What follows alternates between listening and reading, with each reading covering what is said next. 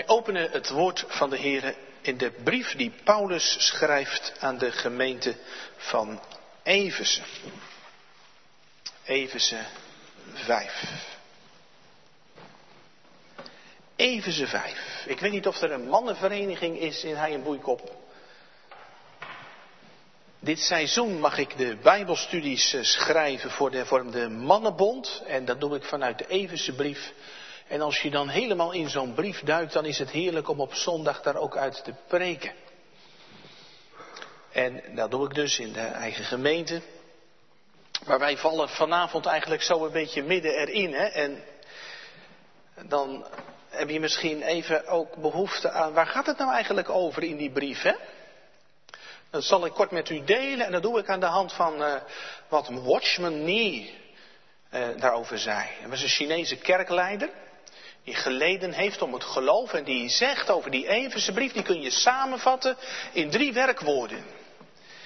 En dan heb je de hoofdlijn van de brief te pakken en dan heb je ook meteen ja, de hoofdlijn van het leven van een christen te pakken. Het zijn deze drie werkwoorden, die kunnen jullie kinderen in de kerk ook heel goed onthouden, denk ik. De eerste is uh, zitten. En dan wandelen. En dan stand houden. Zitten, daarover gaat het in hoofdstuk 1 tot 3 uit deze brief. En daar heeft Paulus het over het werk van de Vader en de Zoon en de Heilige Geest. Het gaat daar over het evangelie, over dat God ons wil redden en ons tot kinderen van Hem wil maken. En in die hoofdstukken staan geen opdrachten. Dus allemaal evangelie, zeg maar. Wat God doet. En dan vanaf hoofdstuk 4, dan gaat het over wandelen. Over ons leven in de wereld.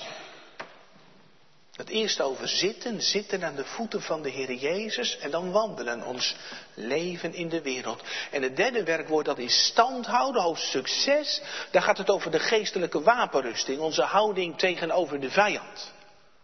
Zitten, wandelen, standhouden. Watchman Nee, die zegt dan, heel veel christenen hebben nooit leren zitten. Geestelijk leren zitten. Die draaien het om en die zeggen, we gaan eerst wandelen, we gaan eerst van alles en nog wat doen. Om dan uit te rusten. Om dan te gaan zitten. Maar dat is precies de verkeerde volgorde. Het christenleven begint met zitten. Op adem komen onder het evangelie. Nou, um, als je dan leeft uit Christus, dan heeft dat vervolgens wel consequenties. En daar gaat het dan over vanaf hoofdstuk 4. En ook uh, het gedeelte wat we nu gaan lezen, dat is uit dat deel waarvan Watchman Nee dan zegt, dat gaat over dat wandelen, leven met God. Dat woord wandelen, dat kom je ook een paar keer tegen hier, let maar op. Uh, we lezen even 5, 1 tot 17. Daar klinkt het woord van de Heer. Wees dan navolgers van God als geliefde kinderen. En wandel in de liefde, zoals ook Christus ons lief gehad heeft en zichzelf voor ons heeft overgegeven als een offergave en slachtoffer tot een aangename geur voor God. Maar ontucht en alle onreinheid of hebzucht, laten die onder u beslist niet genoemd worden zoals het heiligen past, en evenmin oneerbaarheid, dwaze praat en lichtzinnige taal die onbehoorlijk zijn, maar veel meer past dankzegging. Want dit moet u weten, dat geen enkele ontuchtpleger, onreine of hebzuchtige die een afgodendienaar is, een erfdeel heeft in het koninkrijk van Christus en van God. Laat niemand u misleiden met inhoudsloze woorden, want om deze dingen komt de toorn van God over de kinderen van de ongehoorzaamheid. En wees dan hun metgezellen niet. Want u was voorheen duisternis, maar nu bent u licht in de Here. Wandel als kinderen van het licht. Want de vrucht van de geest bestaat in alle goedheid en rechtvaardigheid en waarheid. En beproef wat de Heere wel behagelijk is. En neem niet deel aan de onvruchtbare werken van de duisternis, maar ontmasker ze veel eer. Want wat heimelijk door hen gedaan wordt, is te schandelijk om zelfs maar te vertellen. Maar al deze dingen komen openbaar als ze door het licht ontmaskerd worden. Want al wat openbaar maakt is licht. Daarom zegt hij, ontwaak u die slaapt en sta op uit de doden en Christus zal over u lichten. Let er dan op dat u nauwgezet wandelt, niet als dwazen, maar als wijzen. En buiten geschikte tijd uit, omdat de dagen vol kwaad zijn. Wees daarom niet onverstandig, maar begrijp wat de wil van de Heere is. Dat is het woord van de Heere voor deze avond. En je merkt dat Paulus dus ook heel concreet is, hè? In deze versen. Eh, de gemeente van Eversen, als deze brief ontvangt, is nog geen tien jaar oud. Het zijn allemaal uh, gelovigen met een heidense achtergrond. Die hebben niet al een hele lange geschiedenis met God, zoals Joden, die de tempel en de Torah hadden. Maar dat waren voorheen heidenen, die dienden de afgod, de Artemis. De Artemis-tempel stond in Eversen. Nou, jonge gelovigen moeten wortels schieten. Hoe ziet dat er eigenlijk uit? Leven met de Heer. Dan kunnen ze niet zeggen van, oh ja, hoe deden pa en ma dat vroeger? God dienen in je gezin. En daarom is Paulus hier ook zo heel concreet. En wij mogen daar ook met elkaar van leren. De tekst voor de prediking zijn de versen 1 en 2. En versen 5, vers 1 en 2, waar het woord van de Heer klinkt. Wees dan navolgers van God als geliefde kinderen. En wandel in de liefde. Zoals ook Christus ons lief gehad heeft en zichzelf voor ons heeft overgegeven. Als een offergave en slachtoffer. Tot een aangename geur voor God. Jongens en meisjes, op wie zou jij wel een beetje willen lijken? Misschien is er wel iemand op wie je een beetje zou willen lijken. Als ik aan uh, een van onze dochters vraag, uh, wat wil je laten worden? Dan zegt ze mama. Ik wil wel een beetje op mama lijken. Heerlijk. Of uh, misschien is er wel een meisje in de kerk dat zegt, nou ik zou wel een beetje willen lijken op op koningin Maxima. Als je van mooie kleren houdt of zo. En misschien is er wel een jongen die zegt, ik zou wel een beetje op, uh, op opa willen lijken. Ik wil later net zo goed kunnen timmeren als opa. Of uh, je zegt, ik zou wel net zo goed auto willen kunnen rijden als die man met die helm in die rood-zwarte Formule 1 wagen. Misschien heb je nog wel iemand anders op wie je een klein beetje zou willen lijken. Maar ik heb vanavond deze vraag aan je. Zou je ook willen lijken op de Heere God? Want daar heeft Paulus het over in dat gedeelte dat we met elkaar hebben gelezen. Wees navolgers van God. Misschien dat je als jongere heel wat mensen volgt. Misschien dat u ook heel wat mensen volgt op de sociale media. Het gaat hier over navolger zijn van God. Ben je ook navolger van God? Daar gaat het over. Thema voor de preek. Ik zet mijn treden in uw spoor. En de preek heeft drie kapstokhaken. Het eerste woord is eh, herhaling. Het tweede woord is toespitsing. En het derde woord is waarschuwing. Ik zet mijn treden in uw spoor, herhaling, toespitsing en waarschuwing.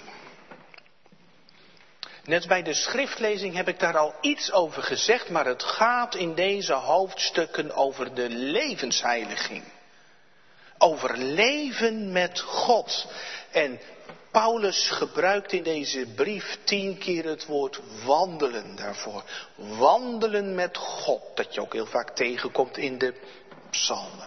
En wat Paulus dan hier zegt aan het begin van hoofdstuk 5, dat is niet de eerste keer dat hij zo'n oproep doet, hè. Als u uw Bijbel open hebt, dan zou u mee kunnen kijken en dan zie je dat in hoofdstuk 4, vers 1. Dan zegt Paulus, ik roep jullie op tot een wandel die de roeping waarmee u geroepen bent waardig is. Laat je levenswandel in overeenstemming zijn met de roeping van het evangelie. En als je dan kijkt in vers 17, Daar zegt Paulus het opnieuw, hè. Dit zeg ik dan, en ik getuig ervan in de Here, dat u niet meer wandelt zoals de andere heidenen. En dan legt Paulus dat verder uit. Hè. Je moet de oude mens uittrekken, alsof het een oude versleten jas is, en de nieuwe mens aandoen. En dan is de inkt nog niet droog en dan zegt Paulus het nog een keer aan het begin van hoofdstuk 5. Wees navolgers van God als geliefde kinderen en wandel in de liefde. En je zou dan haast de vraag stellen, waar is dat nou goed voor? Misschien zeg jij dat ook wel eens, dominees herhalen altijd zoveel in de preek. En daarom duren die preken zo lang. Nou ja, Paulus is voortdurend aan het herhalen. En blijkbaar is dat nodig. Je zou het kunnen vergelijken met uh, de opvoeding. Hè? Ik weet niet hoe dat bij jullie thuis gaat. Maar als wij bijvoorbeeld aan tafel zitten, dan hoor ik mezelf wel eens praten. Oh ja, dat heb ik gisteren en eergisteren en die dag daarvoor ook al gezegd. Uh, Donald Duck is weg. Niet met volle mond praten. Niet te veel hagelslag. En als we gaan eindigen, handen samen, ogen dicht. Misschien uh, heb je ook allemaal thuis van die dingetjes. Ja, dat hebben ze eigenlijk al wel honderd keer gezegd. Maar ze kunnen het blijven herhalen. En als je het dan eindelijk een beetje onder de knie hebt, hè. Als je twaalf jaar bent, dan lukt dat wel. Maar ja, dan word je 13, 14, 15 en dan lijkt het wel alsof ze alles zijn vergeten. En dan kun je weer opnieuw beginnen. Zeg eens even dankjewel. Wil je even je mobiel wegleggen aan tafel?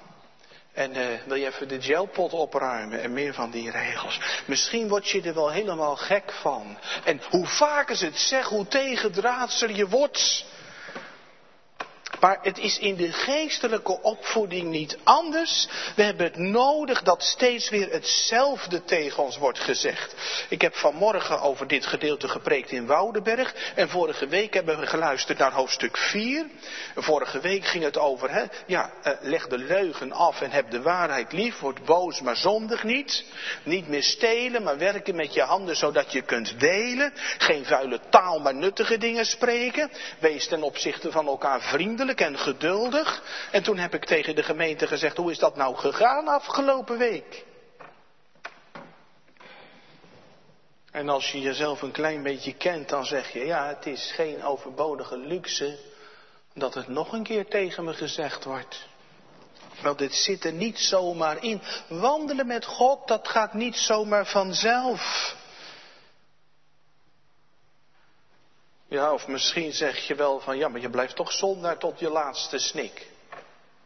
En je legt je er eigenlijk een beetje bij neer. En je blijft hangen in, onvriendelijk, in een onvriendelijke houding. En je blijft maar nutteloze woorden zeggen. En de Heilige Geest is in tranen. Zegt Paulus dan, bedroef de Heilige Geest niet. We hebben continu het nodig om hetzelfde te herhalen en hetzelfde te horen. En in dit gedeelte zit die herhaling ook. Hè? Vers 2, wandel in de liefde. Vers 8, wandel als kinderen van het licht. Vers 15, wandel nauwgezet. Steeds weer hetzelfde. En als je deze hoofdstukken leest, dan merk je dat Paulus de lat heel hoog legt. Paulus vraagt nogal wat. Maar daarom is het ook heel belangrijk om, om te onderstrepen dat Paulus er iets bij zegt. Wees dan navolgers van God als geliefde kinderen. Want dat is telkens weer het fundament van waaruit Paulus die oproepen doet. Zitten, wandelen, stand houden. Telkens weer komen zitten aan de voeten van de Heer Jezus. Vanuit het evangelie. Paulus zegt niet, nou ja, jullie zijn nou wel uh, christen geworden, maar het moet toch nog beter. Probeer nog harder je best te doen. Nee, vanuit het evangelie, ook in dat gedeelte hieraan voorafgaand. Wandel niet meer als andere heidenen, u hebt Christus leren kennen. Paulus put als het ware elke keer uit het evangelie. Wees navolgers van God, niet als een slaaf die gehoorzaamt omdat hij anders een klap met de zweep krijgt uit angst. Wees een navolger van God, niet als een knecht die gehoorzaamt omdat hij loon hoopt te krijgen. Maar wees navolger van God als geliefd kind. Nou ja, ben jij een geliefd kind van God? We kennen elkaar niet, maar het zou zomaar kunnen zijn dat dat voor iemand van ons een vraag is.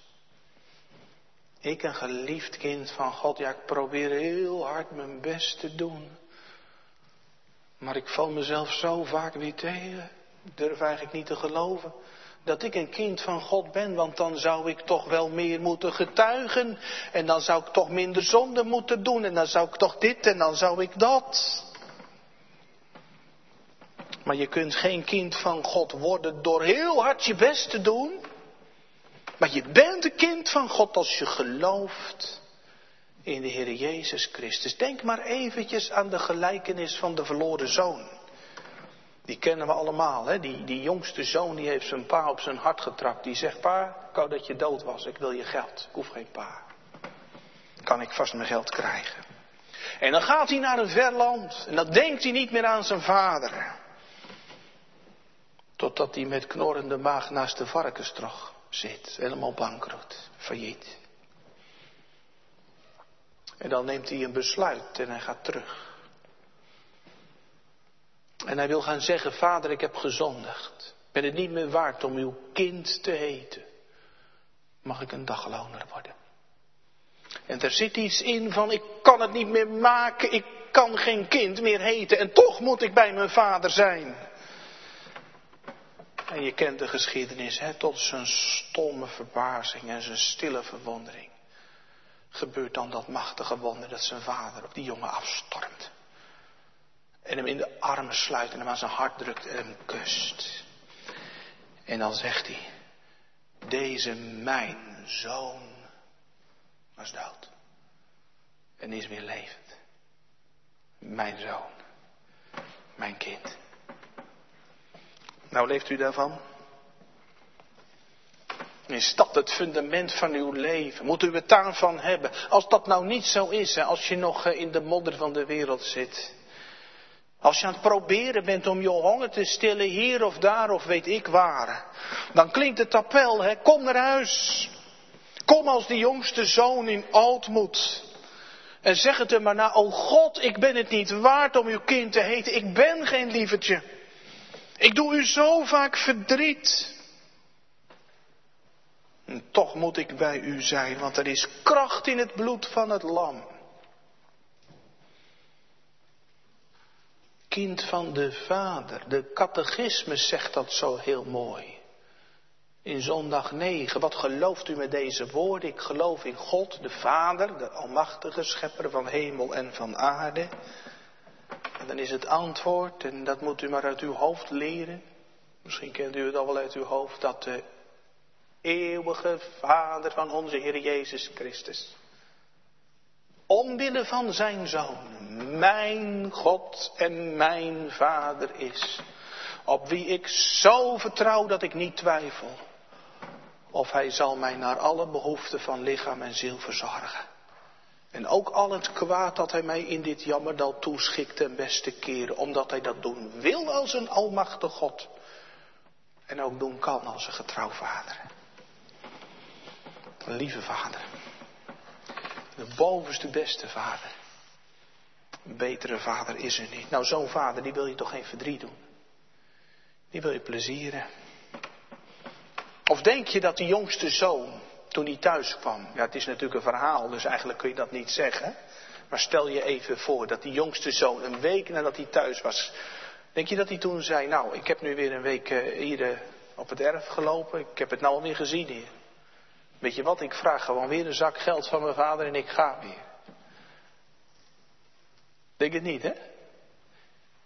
Die jongen die heeft voor de rest van zijn leven zijn lesje wel geleerd.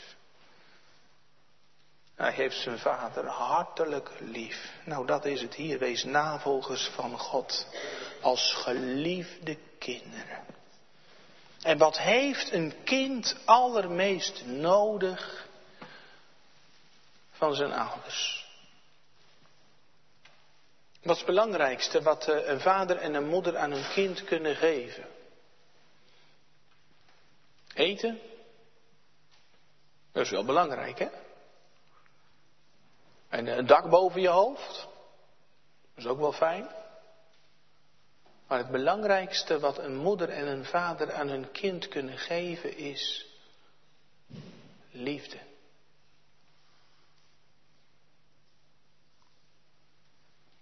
Liefde. Waarom komt een kind naar zo'n klein kind, naar zijn papa toe lopen, naar zijn mama? Even een knuffel, even op schoot. Even je koesteren in de liefde van mama of papa. En als je voelt, ervaart dat er iemand is die je onvoorwaardelijk lief heeft, dan is de wereld een veilige plek en kun je vanuit die veiligheid je weg gaan. kind heeft liefde nodig. En een kind, eh, grijp ik even terug op hoofdstuk 4, een kind komt natuurlijk ook bij zijn vader, bij zijn ouders om uh, nieuwe kleren. Uh, Paulus heeft het over oude mensen uitdoen, nieuwe mensen aantrekken. Nou ja, zo, u, jij en ik, wat hebben we nodig? Wat ontvangen wij van de Hemelse Vader? We mogen ons in de kerk koesteren in zijn liefde. Ik hoop dat u daarvoor ook echt in de kerk bent, hè? Dat je na een week eh, je weggaan door eh, het leven zegt, heren, ik ben mezelf weer zo tegengevallen achterliggende week. En nu zit ik in de kerk en ik zit nog niet koud in de bank. Of ik mag uw stem horen, genade voor jou. En vrede. Onvoorstelbaar, heerlijk. Woorden om je in te koesteren. En ik hoop dat u ook naar de kerk komt voor nieuwe kleren. Dat je zegt, Heer, alstublieft. Ik weet dat ik mag komen zoals ik ben, maar laat me alstublieft niet blijven wie ik ben. Maar vernieuw me. Trek me die nieuwe kleren, die nieuwe mens aan. Dat mijn leven niet blijft hangen in doelloosheid en dan noem het allemaal maar op. Nou, dat is de oproep die, die Paulus doet. Hij herhaalt hier wat hij al eerder heeft gezegd. Vanuit het evangelie, wees navolgers van God. Als geliefde kinderen. Maar Paulus herhaalt met andere woorden. Want het appel hier heeft een eigen spits. Dus de tweede van de preek, die toespitsing. En wandel in de liefde, zoals ook Christus ons lief gehad heeft en zichzelf voor ons heeft overgegeven.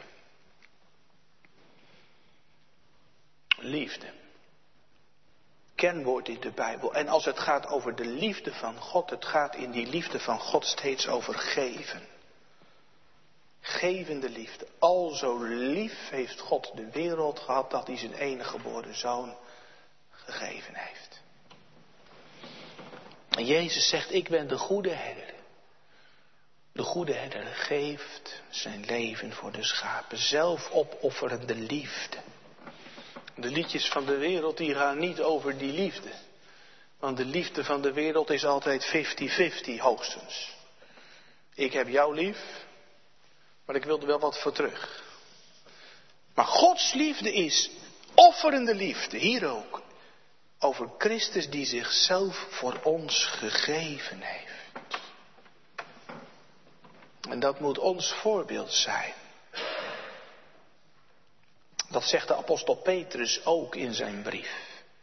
Hij zegt, hiertoe bent u geroepen omdat ook Christus voor ons geleden heeft. Hij laat ons zo een voorbeeld na. Opdat u zijn voetsporen zou navolgen. Gaan in het spoor van de Heer Jezus. En Petrus gebruikt dan in die tekst eh, het woordje hypogrammos, dat mag u weer vergeten, maar bij dat woordje, bij dat voorbeeld, daar kun je denken aan eh, een voorbeeldletter in groep 3. Als je naar groep 3 gaat, dan ga je leren schrijven. En eh, nou, dat zal nu wel een beetje hetzelfde zijn als eh, toen ik naar groep 3 ging. Dan krijg je zo'n blad van de juf. Als je bijvoorbeeld de letter B gaat leren, daar staan allemaal van die dunne beetjes. Allemaal beetjes. En die mag je dan met een potlood over gaan trekken. En dan leer je het beetjes schrijven. En daar staat er vaak ook een grote B bij. En er staat er een pijltje bij je. Je moet hier beginnen. Eerst de stok van boven naar beneden en dan de buik van de B. En dan moet je zo, tweede pijltje. En de juf kijkt het na en die, die kijkt of de, de stokken niet te lang en niet te kort zijn. En, en, en de buiken van de B niet te dun en niet te dik. Al die letters die jij schrijft, die moeten lijken op dat voorbeeld. De juf zegt niet, hier heb je de B, zo kan het. Nee, zo moet het. Nou, dat is het ook als het hier gaat over het spoor van de liefde. De weg die Jezus ging. Zo moet het. Ons leven moet lijken op het leven van de Heer Jezus. Een leven van offerende liefde. Let op Jezus. En dat is echt het appel in dit gedeelte. En leef zo alsof je erbij was toen de Heer Jezus Christus door het stof kroop. In de hof van Gethsemane en het bloed gutste van zijn voorhoofd. Omdat hij de toren van God over uw en mijn schuld zou gaan dragen.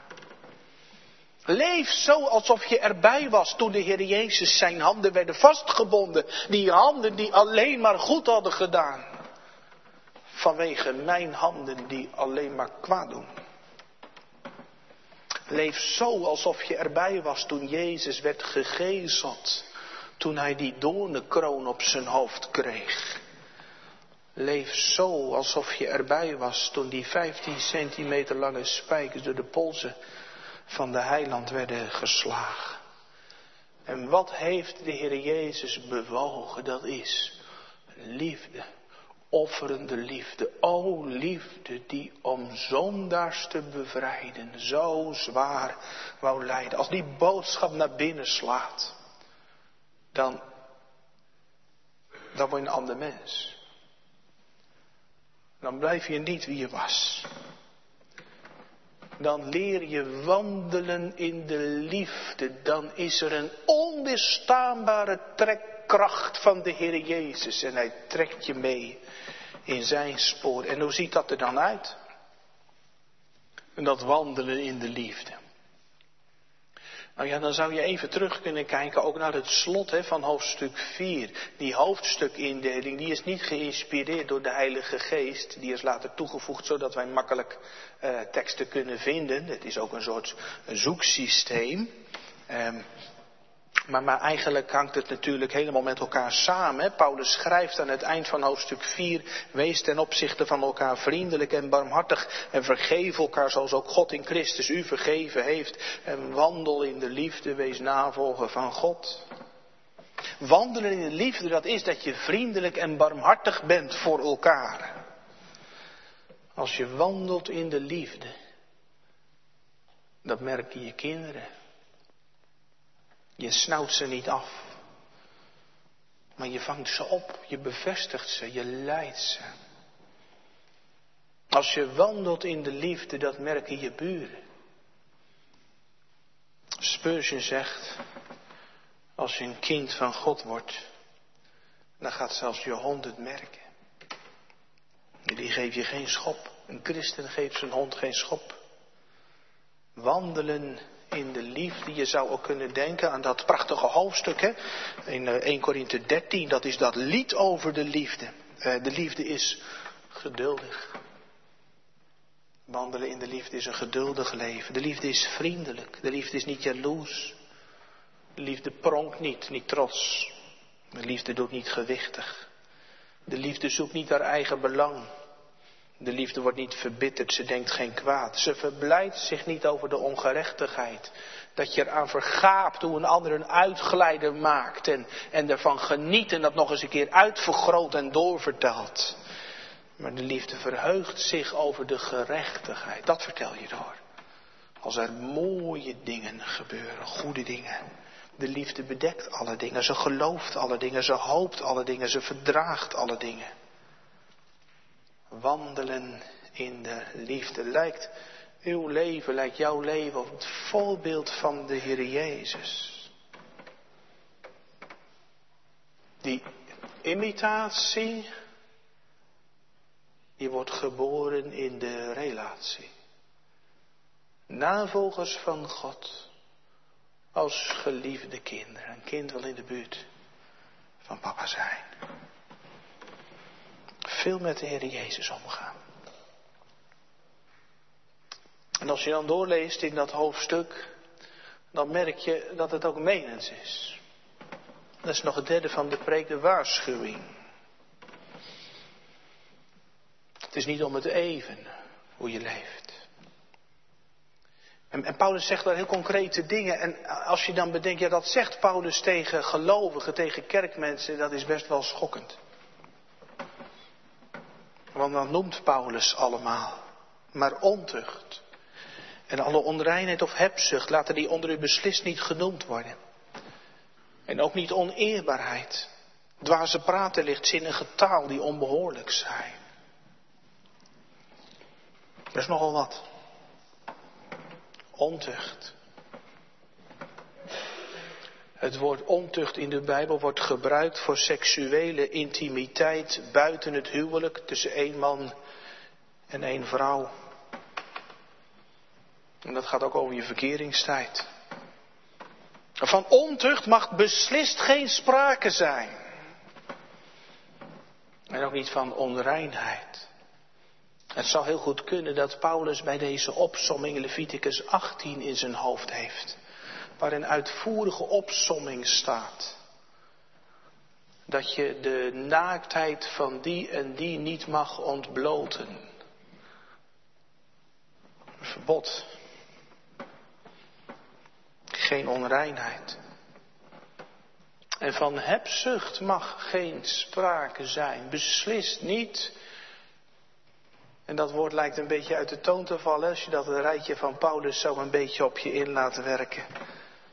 Maar eh, als je het tiende gebod even voor je haalt, in het Deuteronomium 5 staat het tiende gebod ook en daar wordt als eerste genoemd, u zult niet begeren de vrouw van uw naaste. Dan liggen ze toch heel dicht tegen elkaar aan. Het gaat trouwens ook over meer, hè, dat gebod. Je mag ook niet het huis van je naaste begeren. En ook zijn akker niet. En zijn personeel niet. En zijn gereedschap niet.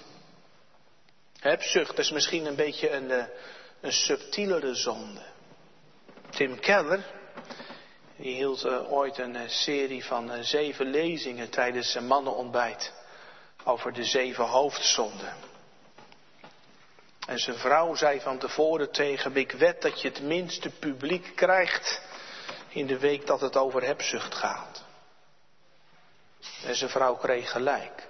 En Tim Keller die zegt dan, ik heb als pastor mensen bijna iedere soort zonde horen beleiden. Ik kan zo gek niet bedenken of iemand had het wel eens aan hem beleden. Maar zegt hij, ik herinner me niet dat ooit iemand kwam zeggen, ik geef te veel geld aan mezelf uit. Heel subtiele zonde. Waar je toch zomaar van in de greep kunt komen en waarvan ook misschien wel heel veel mensen in ons rijke West, en ik steek de hand maar in eigen boezem, van in de greep zijn. Als u naar de winkel gaat, bedenkt u dan, mijn pinpas is van God. En met mijn pinpas mag ik God dienen. Keller zegt dan ook, geld kan een macht over je krijgen. En de beste manier om dat te doorbreken is er veel van weggeven. Hebzucht. Nou ja, als je dat rijtje zo leest, hè, ontucht, onreinheid, hebzucht, dan denk je misschien, waarom noemt Paulus dat nu voorop? Zijn dat de ergste zonden, zonden op het terrein van de seksualiteit? Zijn dat onvergeeflijke zonden? Nee. Maar het zijn wel ontwrichtende zonden. Ontwrichtend voor huwelijken, voor gezinnen. Ontwrichtend ook voor onze samenleving. En nog een antwoord op die vraag, waarom zou Paulus dat hier noemen? Denk maar even aan de context van de stad Eversen. Als je als christen in Eversen woonde en je ging de straat op, dan lag seks op straat. Er stond in de stad die grote Artemis-tempel, die was zo groot als een voetbalveld. Er stonden 127 marmeren pilaren. Het was een immens gebouw, 18 meter hoog. En daar stond het beeld van Artemis of Diana. Dat was volgens de legende als een komeet uit de hemel komen vallen. En Artemis was de godin van de vruchtbaarheid. Er waren tempelprostituees aan haar heiligdom verbonden. En in de maand mei, dan was het feest. Dan kwamen mensen van heinde er naar even om de bloemetjes buiten te zetten. Dan gingen ze drinken. Alcohol werd niet gedoogd, maar gestimuleerd. Want ja, als je in een roes, in extase raakt, dan kom je in contact met de goden. En uh, Jan dook met alle mannen en alle vrouwen in bed. Het, het maakte allemaal niet uit. Zo diende je Artemis. En waar je ook kwam als gelovige in Evers, overal stond wel zo'n uh, zilveren tempeltje die uh, ook Demetrius maakt. Hè? We kennen hem uit het boek Handelingen. In elk huis stond wel zo'n zilveren replica van die tempel. Dat was een soort huisaltaar, een amulet. Dat moest dan bescherming bieden tegen bepaalde uh, gevaren en zo. De onreinheid lag op straat. Nou ja, Everse lijkt ver weg, Turkije. Maar Everse en hij in Boeikop liggen eigenlijk vlak bij elkaar, vindt u niet? Je heeft er niet eens de deur voor uit voor onreinheid. Porno is twee muisklikken van je verwijderd. En zonder dat je naar op zoek bent, word je op internet bijna iedere dag geconfronteerd met verleidelijke en suggestieve advertenties. Vroeger moest je op zoek en nu moet je het ontwijken. Jonge tienermeiden die posten gewaagde foto's van zichzelf op de sociale media om zoveel mogelijk likes te krijgen. We kennen allemaal de MeToo-discussie die in 2017 losbarstte. Die laat zien dat de omgang met seks in onze samenleving totaal is ontspoord. 40% van de vrouwen tussen de 15 en de 70 jaar geeft aan te maken te hebben gehad met fysiek grensoverschrijdend gedrag. 40 procent. 14 procent heeft ervaring met geslachtsgemeenschap tegen. Wil dat zijn onthutsende cijfers. Er is iets grondig mis in onze samenleving. En dat was het in Eversen ook. En Paulus zegt, Laat de ontucht en onreinheid en hebzucht onder u beslist niet genoemd worden, zoals het heiligen past. Wees gewaarschuwd. En in vers 3 heeft Paulus het over daden, in vers 4 heeft Paulus het over woorden. Ook niet oneerbaarheid, dwaze praat, lichtzinnige taal. Geen dubbelzinnige grappen, geen schuine moppen, geen vieze woorden. Wat vind jij? Kan een eh, christen de video's van sluipschutters kijken? Wil een christen horen wat Johan Derksen vandaag weer te zeggen heeft? En weet je zeker dat de films die je kijkt stroken met de norm van Everse 5? In alle liefde en in alle bewogenheid zegt Paulus. En in alle liefde en bevogenheid wil ik het vanavond hem nazeggen. Dit moet u weten. Dat geen enkele ontuchtpleger, onrein of hebzuchtige die een afgodendienaar is, een erfdeel heeft in het koninkrijk van God. Hoor je dat? Als je niet breekt met die zonde, zet je je ziel op het spel. Dan verkwansel je je plek in de hemel. Paulus spreekt echt glasheldere taal. Wij houden vaak van grijs, hè? Een beetje van twee walletjes eten. Kan niet. Zegt de Bijbel op zoveel plekken. Je kunt niet God dienen en de mammon. Kies heden wie je dienen wilt. Ik hoorde dominee Visser uit Rotterdam die naam kent u vast wel, hè? Die hoorde ik uh, het eigenlijk heel eenvoudig samenvatten als het gaat over leven met God. Hij had in zijn ene hand zijn telefoon en in zijn andere hand een Bijbel. En hij zei, uh, wat maakt de dienst uit in je leven? De Bijbel. of je telefoon. En zonder dat hij ging voeteren op die telefoon, dat moeten we helemaal niet doen. Je kunt heel goede dingen mee doen, hè? Bijbel-app. Mooie podcast luisteren als je onderweg bent. Eh, in Woudenberg hebben we een kerk-app zelfs. En tegelijk, wat een ontstellende afleiding. Dat ding dat beheerst je zomaar de hele dag. Het is gemaakt om er zoveel mogelijk tijd op door te brengen. Iemand zei vanmorgen in de consistorie van Woudenberg, dat ding heet niet voor niets een smartphone. Het is een nogal smart ding, het is nogal slim. Ongelooflijk. En dominee Visser die zegt, die mobiel, dat gaat de grote sloper van ons geloof worden in de komende generatie. Nou, u moet straks onder de koffie maar over hebben wat u daarvan vindt. De grote sloper van ons geloof in de komende generatie. Als je meer geeft om de likes van mensen dan om de liefde van God. Als je druk bent om het volgende level van die game te bereiken. Was je maar net zo bezig om het volgende level te bereiken in het leven met God. Om op te wassen in de genade. Om te groeien in het kennen van Hem. En ik vind het zo ontroerend om te merken dat heel wat jongeren en heel wat ouderen het doorhebben. En daar open over worden.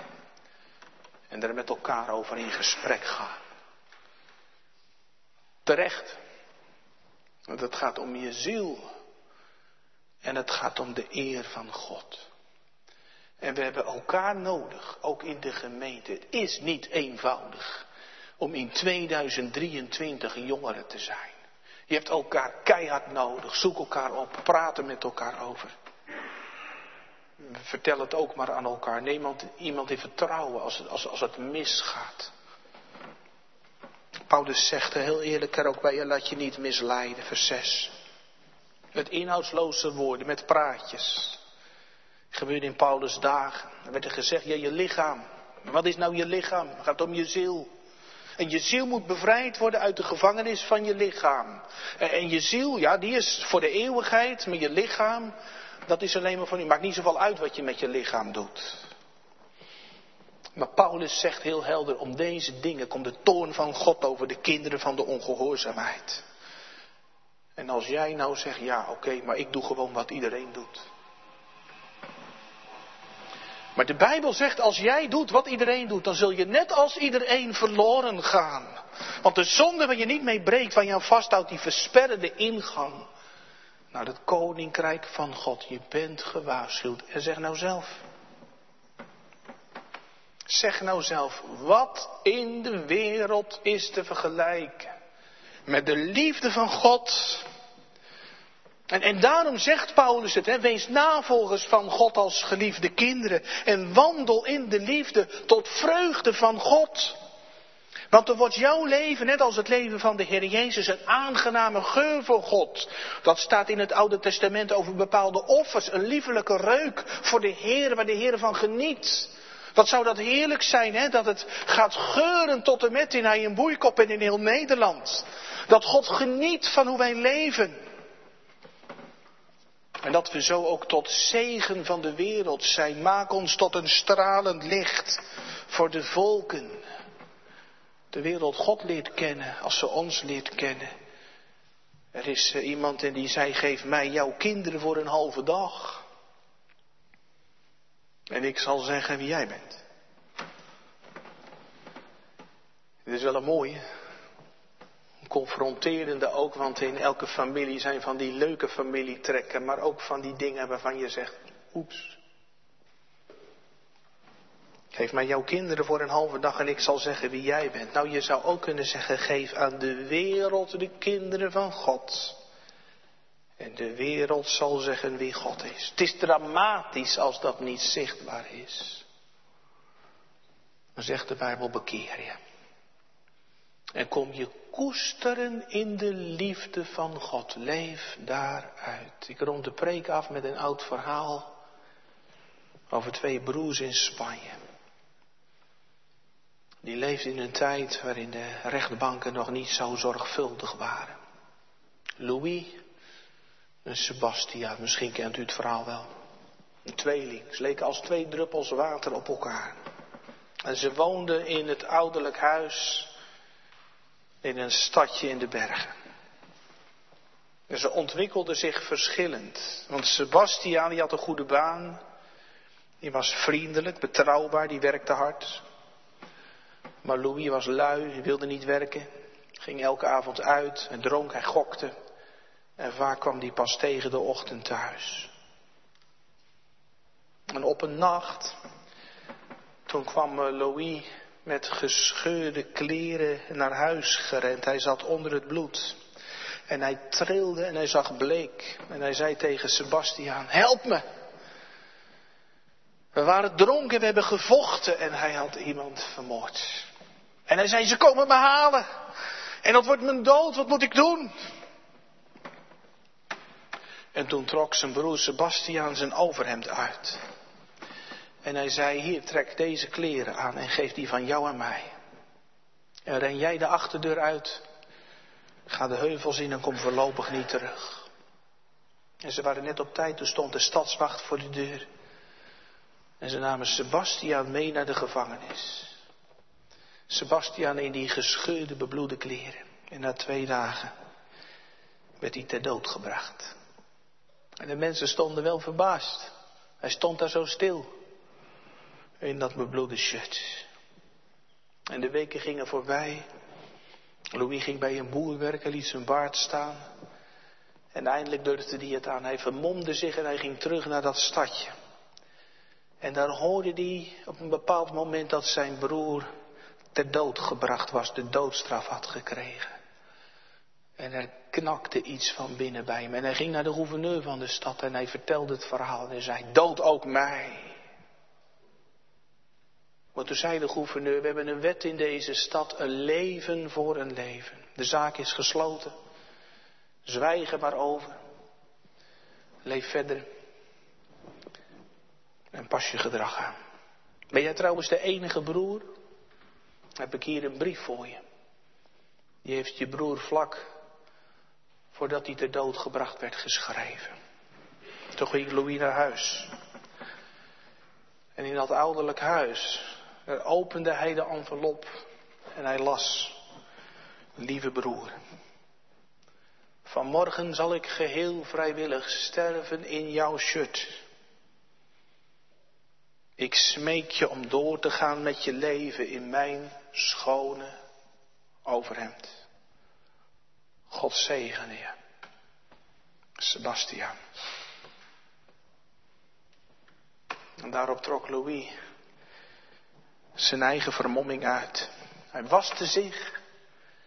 Hij trok de schone kleren van zijn broer aan.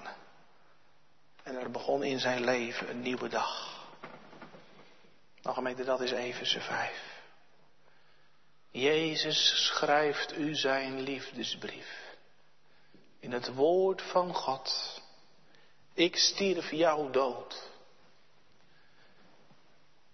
Leef jij mijn leven? Als geliefd kind. Amen.